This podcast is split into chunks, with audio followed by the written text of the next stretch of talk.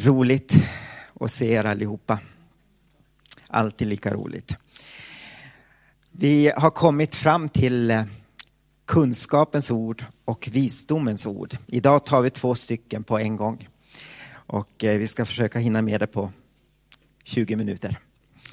Men eh, jag vill läsa först ifrån första Korinthierbrevet kapitel 12, vers 8. Den ene får av anden ord av vishet, den andra ord av kunskap genom samme ande. I föregående undervisning så har vi sagt att många av de här gåvorna, de är verksamma tillsammans. Så ibland är det svårt att urskilja vad det är för någonting. Men vi ska försöka få till lite grann om vad visdomens ord och kunskapens ord är idag. Ibland så säger vi ju att en profetia har blivit uttalad. Men då kan det egentligen vara visdomens ord eller kunskapens ord som har blivit uttalat. Och eh, kanske ni kommer ihåg när vi pratade om profetia så sa vi att profetia inte har någon uppenbarelse i sig själv. Det talar inte om framtiden eller uppenbara någonting utan det är ju en av de tre inspirationsgåvorna. Det finns tre uppenbarelsegåvor och det är visdomens ord, kunskapens ord och gåvan att skilja mellan andar. Och alla de tre uppenbarar någonting. I första Korinthierbrevet kapitel 12, vers 31 så säger Paulus sträva efter de nådegåvor som är störst. Och en del säger att vishetens ord är störst eftersom den ger uppenbarelse om Guds gudomliga plan och syfte och talar om framtid. Och eh, även om visdomens ord börjar först i den här versen som vi läste i början, så ska vi börja med, med kunskapens ord. Och kunskapens ord är den övernaturliga uppenbarelsen genom den helige Ande om vissa fakta som Gud vill uppenbara till oss. Och eh, vi vet ju, Gud är allvetande. Han vet allting och eh, ibland så uppenbarar han för dig och mig någonting, ett litet fragment av sin stora kunskap. Ibland är det bara små ord som han uppenbarar till oss. Ord av kunskap. Och eh, vi vet att ett ord är en, en, fragram, en del utav en mening. Och eh, kunskapens ord är en liten, liten del av hela kunskapen om Guds råd, Guds ord. Och Gud förmedlar inte all sin kunskap till oss, det skulle vi aldrig klara av att, att hålla inne i vår skalle. Utan han, han är ju allvetande, han är allsmäktig, han är Gud och endast han är Gud. Och därför så är det nåd att han vill uppenbara en liten del utav sin kunskap till oss. Kunsk kunskapens ord är inte heller en naturlig kunskap som vi kan studera oss till. Att vi läser Bibeln jättemycket och vi lär oss Bibeln utan till. Det är inte heller kunskapens ord. Utan kunskapens ord är övernaturlig gåva som ges av den helige Ande. Precis som de, all, de andra åtta gåvorna. Eftersom om om, den här, om visdomens eller kunskapens ord skulle vara naturlig så skulle ju alla de andra vara naturliga också. Om man skulle vara logisk eftersom om man läser de nio gåvorna som står i första Korinthierbrevet kapitel 12. Men vi, den övernaturlig gåva, någonting som Gud ger genom den heliga Ande till oss för att uppenbara någonting. Och kunskapens ord är inte heller, som jag sa, en kunskap om Bibeln. Och eh, Gud hjälper oss självklart att förstå hans ord. Jesus sa att den heliga Ande är hjälparen som ska visa oss hela sanningen. Men det är ju inte en övernaturlig gåva, utan det är ju någonting som vi, vi lär oss att förstå Guds ord. Ju mer vi läser Guds ord, ju mer vi spenderar tid i Guds ord, och eh, Paulus han sa till Timoteus i, första, i andra Timoteusbrevet kapitel 2, vers 15. Gör allt du kan för att bestå provet inför Gud, likt en arbetare som inte behöver skämmas utan rätt dela sanningens ord. Och här i engelskan så är det study yourself. Och, eh, så den typen av kunskap, en djup kunskap om Bibeln, är inte den här gåvan. Kunskapens ord är inte heller kunskap om Gud genom att vi har en djup gemenskap med, med honom. Det är inte att ju mer vi vandrar med, med Gud, ju mer får vi den här gåvan. Utan vi ska vandra med Gud, vi ska lära känna Gud mer och mer för varje dag som går. Vi ska spendera tid, vi ska be, vi ska vandra med honom. Men det är inte den här gåvan som det talas om här i första Korinthierbrevet. I Gamla Testamentet så läser vi i första Samuelsboken om lilla Samuel som var i templet med Eli, med den gamla prästen Eli. Eli hade varit präst länge, men när man läser så ser man att Gud hade inte alls låtit, han hade inte talat på många, många år, även till prästen Eli. Men där en natt så börjar Gud tala till Samuel och talar till honom om saker som skulle hända. Och, eh, men så att Samuel kände ju inte Gud på det sättet. Han hade inte vandrat länge. Medan Eli hade vandrat länge tillsammans med Gud. Och eh, genom att vi vandrar tillsammans med Gud så får vi kunskap om Gud. Vi lär känna honom, vi lär känna hans karaktär, vad han, vad han tycker om, vad han, vad han vill genom våra liv. Men kunskapens ord är någonting annat. Det är någonting som han uppenbarar just i en tid när du behöver ett ord ifrån honom. Kunskapens ord kan vi hitta till exempel i, i Uppenbarelseboken kapitel 1. Då, då står det att aposteln Johannes var på ön Patmos. Och eh, det står att han var i anden på Herrens dag. Och så uppenbarade sig Jesus för honom och talade till honom. Och han talade till honom om, sju, om de sju församlingarna i mindre Asien. Det var ett kunskapens ord. Han talade till Johannes om en situation i nutid. Och eh, även om det finns en uppenbarelse, ett profetiskt uppenbarelse för dig och mig också i det som Jesus talade om de sju församlingarna så var det ändå ett kunskapens ord just i den tiden för de här sju församlingarna som existerade precis då.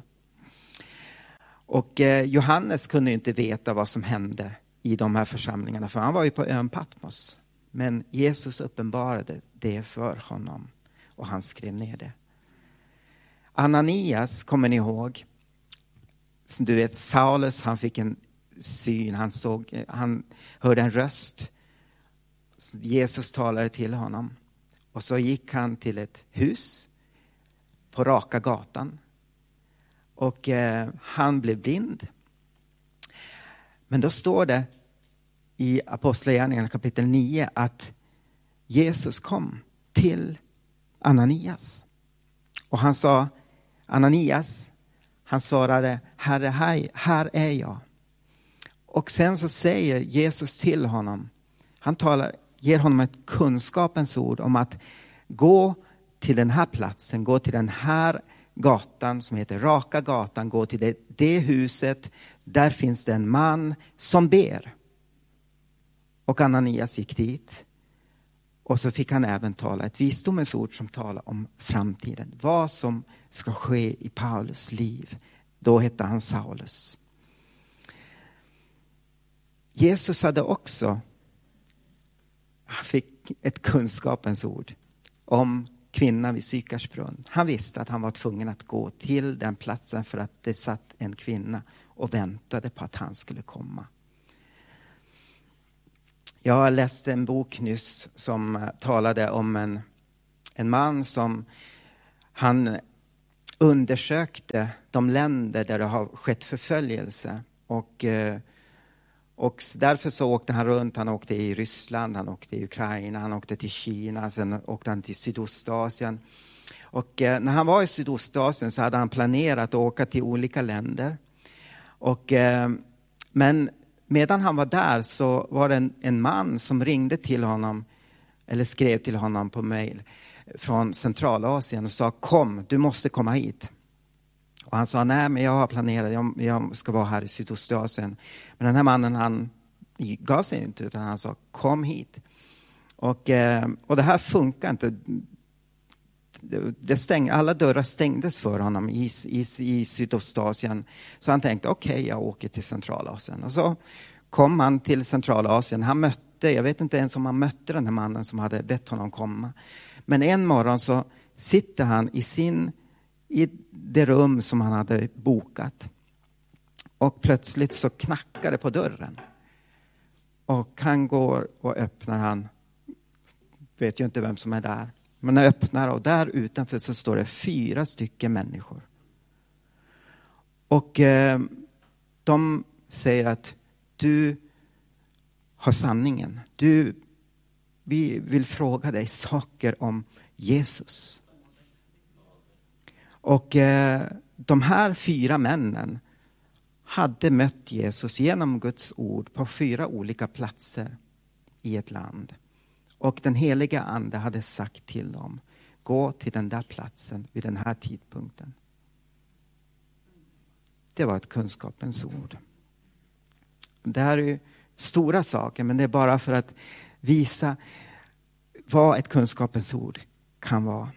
Och kunskapens ord manifesteras på olika sätt. Det kan ske genom en profetia, att, att det in, genom inspiration på ett möte eller hemma när I din bön så kan du få ett kunskapens ord. Då går vi till vishetens ord. Den ene får av anden ord av vishet, den andra ord av kunskap genom samma ande. Och det talar inte om naturlig vishet. Det är inte att du och jag blir plötsligt visa. Att vi blir, eller att vi får vishet för att kunna fixa vår ekonomi eller så. Utan det är ett ord av visdom, en ord om Guds syfte för framtiden. För dig och mig. För en församling, för en plats. Och eh, jag vill bara att det, det, är inte för vår van, allmänna visdom. Det är inte någonting sånt, utan Gud har gett oss den här gåvan för att han ska kunna tala till oss om hans syften, om hans planer. Och eh, ofta så arbetar ju kunskapens ord och vishetens ord tillsammans. Och det såg vi både här i när Johannes på Patmos, när Jesus kom, det som Jesus han talar i nutid om situationen i de sju församlingarna. Men han ger honom också en syn om framtiden. En visdom om vad som kommer att hända i framtiden. Och det är samma Ananias. Han fick ett ord om vad som var då i nu, nuet. Att Paulus, han satt där på den platsen. Men han Jesus talade också till honom om vad som skulle ske i Paulus liv i framtiden. Han skulle bli ett sändebud, han skulle få lida förföljelse. Och allt det här skedde ju.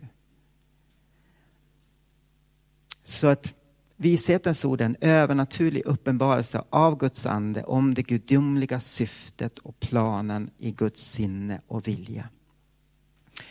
Och som jag sa, de verkar ofta tillsammans, kunskapens ord och vishetens ord.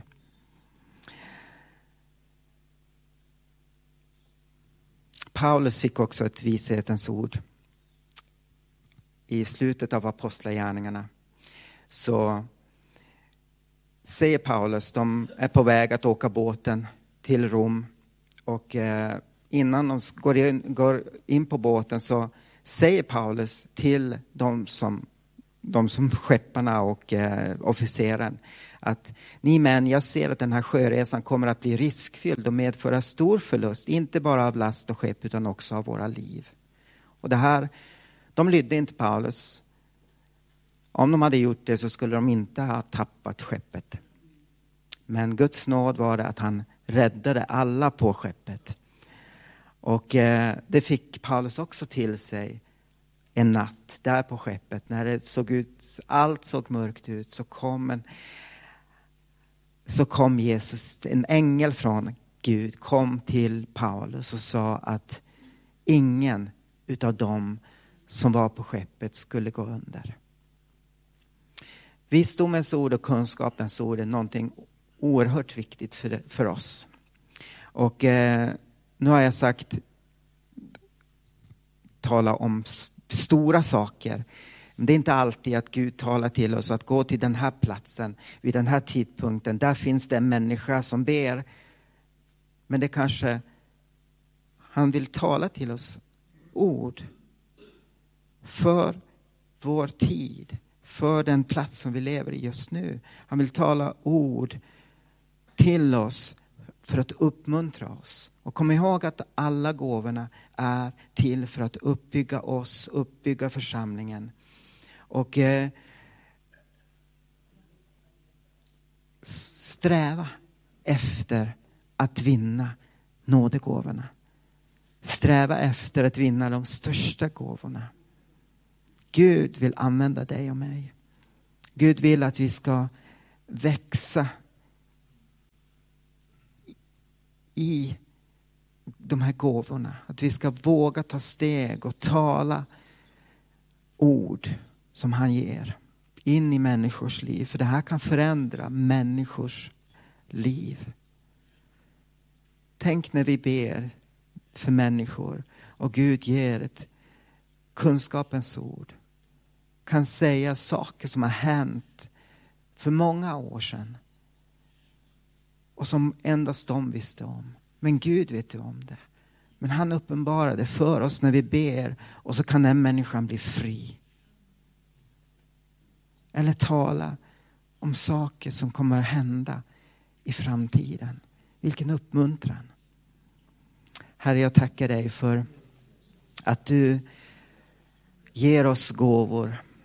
Inte för att puffa upp oss själva eller för att visa hur stor och bra vi är, Herre. Men för att du vill uppbygga din församling.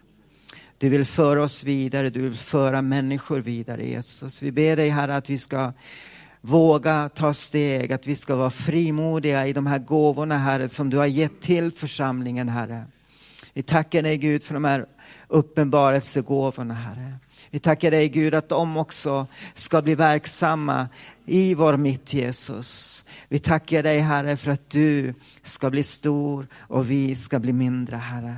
Vi tackar dig Herre för att du Herre använder oss inte bara här i församlingen, men i, i vår vardag, på jobbet, i, när vi pratar i telefon så kan vi få ett upp ett kunskapens ord eller visdomens ord in i en, den personens liv. Vi tackar dig Herre för det Gud. I Jesu namn. Amen.